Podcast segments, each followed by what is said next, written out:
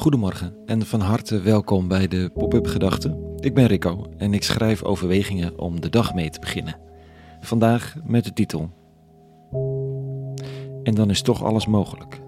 Pop-up Gedachten donderdag 13 juli 2023.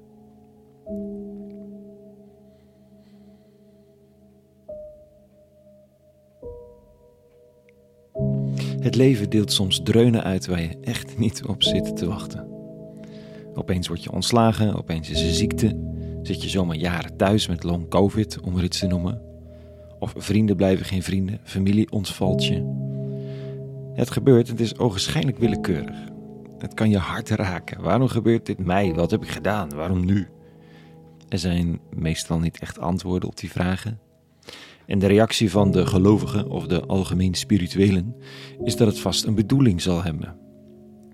Het ligt er een klein beetje aan hoe het gezegd wordt, maar zo'n opmerking over bedoeling en betekenis is er eentje om meestal met boodschapper en al achter het behang te willen plakken of over het balkon te willen kieperen.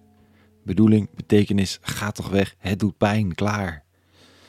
En het is oneerlijk of onverdraaglijk. Bevestig dat eerst maar eens even. Dan zien we daarna wel weer verder.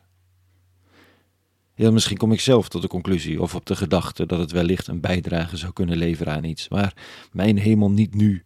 Niet als ik er middenin zit. Niet door een ander die eigenlijk de pijn niet aan kan zien en daarom probeert het weg te poetsen met zalvende algemeenheden.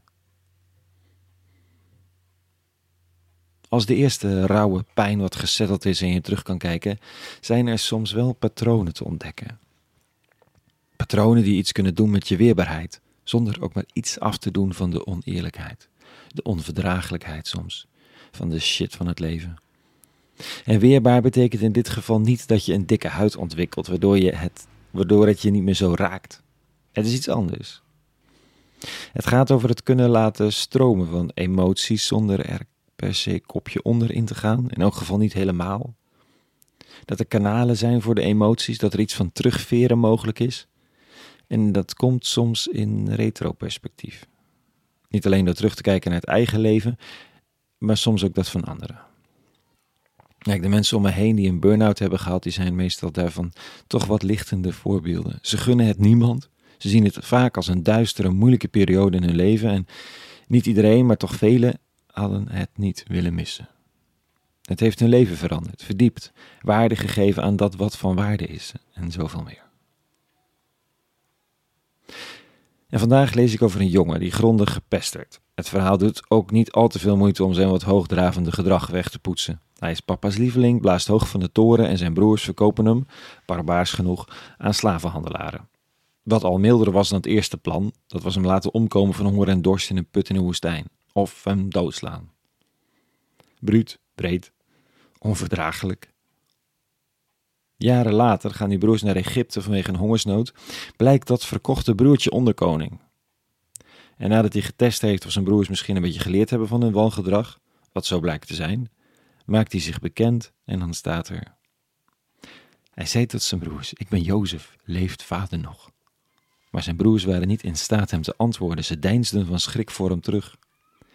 Maar Jozef sprak tot zijn broers: Kom dichterbij. En toen ze dit hadden gedaan, herhaalde hij: Ik ben Jozef, uw broer, die u naar Egypte verkocht hebt. Wees niet bedroefd en boos op uzelf.